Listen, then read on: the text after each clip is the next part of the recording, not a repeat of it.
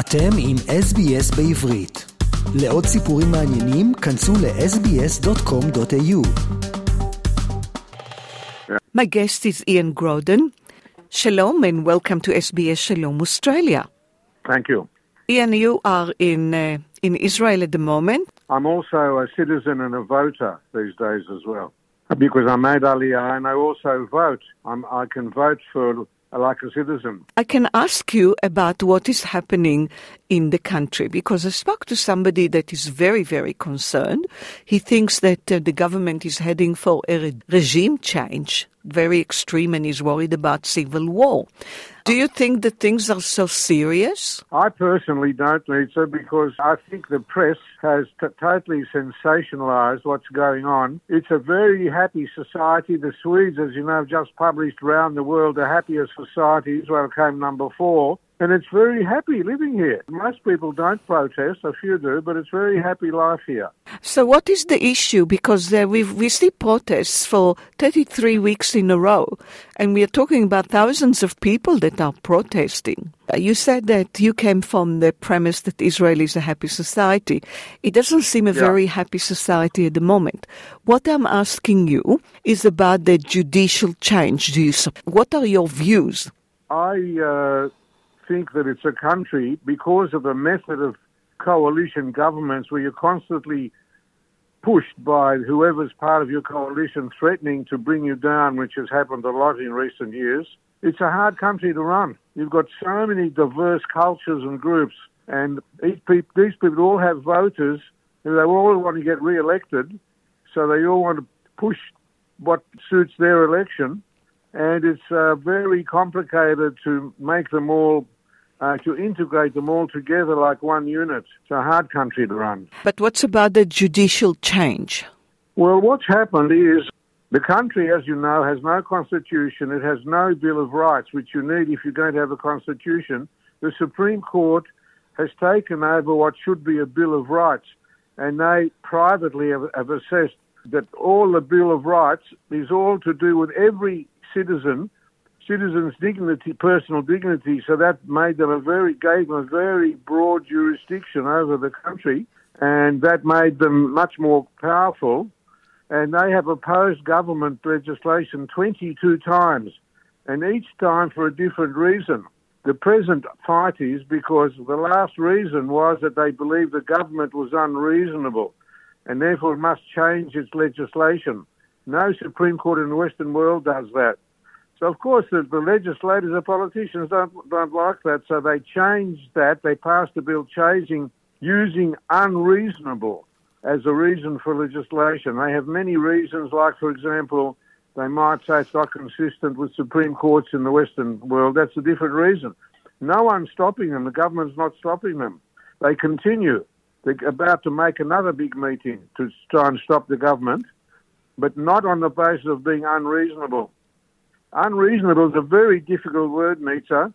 If you go and somebody says to you having a Brit is unreasonable, and someone says having a Brit is very reasonable, opposite points of view for the word reasonable means two opposite things. It's a very subjective expression, and that's not a legal, proper legal expression.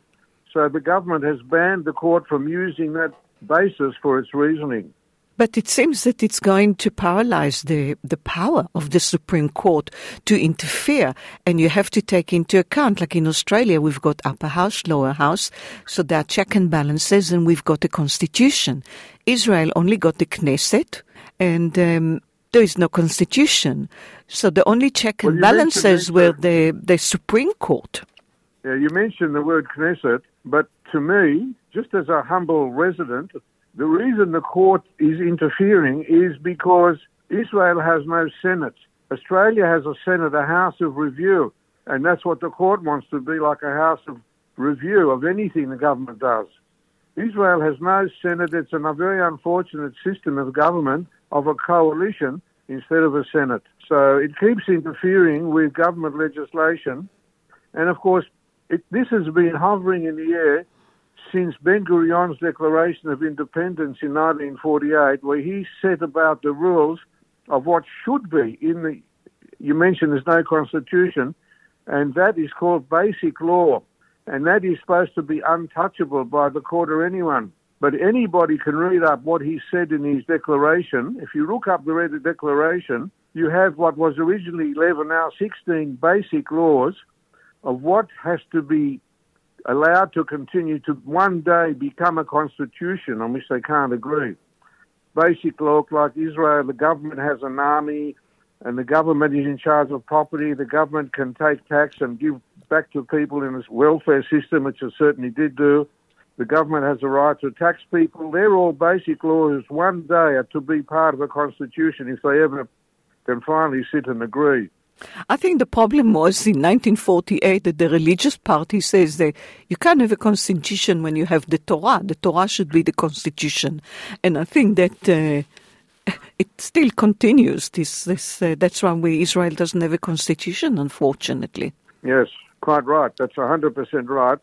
And in the last election, the religious parties gained ground. They got one and a half million votes out of seven million votes, and they have a lot of influence with the coalition system. They simply say, "You don't do what we want, and we'll kill the government." So it puts the prime minister in a very difficult position. They want, for example, yesterday there was a strike in Tel Aviv for a new light rail, and all these people chained themselves to the train because they got to stay chained until the, the uh, local council allows the train to be used on a Saturday. Because the population is the population is largely secular, they don't want some of these religious rules of not working on Shabbat, not using public transport on Shabbat, not shopping on Shabbat.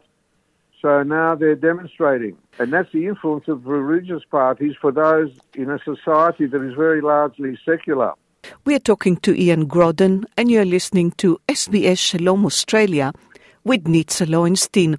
Ian, do you see any solution? The solution is always compromise. If there's no compromise, this is going to continue until eventually it'll hurt so much that people will start, you know, bending a little bit and coming to some sort of common ground. I really thank you for your input and for sharing your thoughts with us because uh, I think, well, many things that you said are very important. Ian Groden, thank you so much. רוצים לשמוע עוד סיפורים?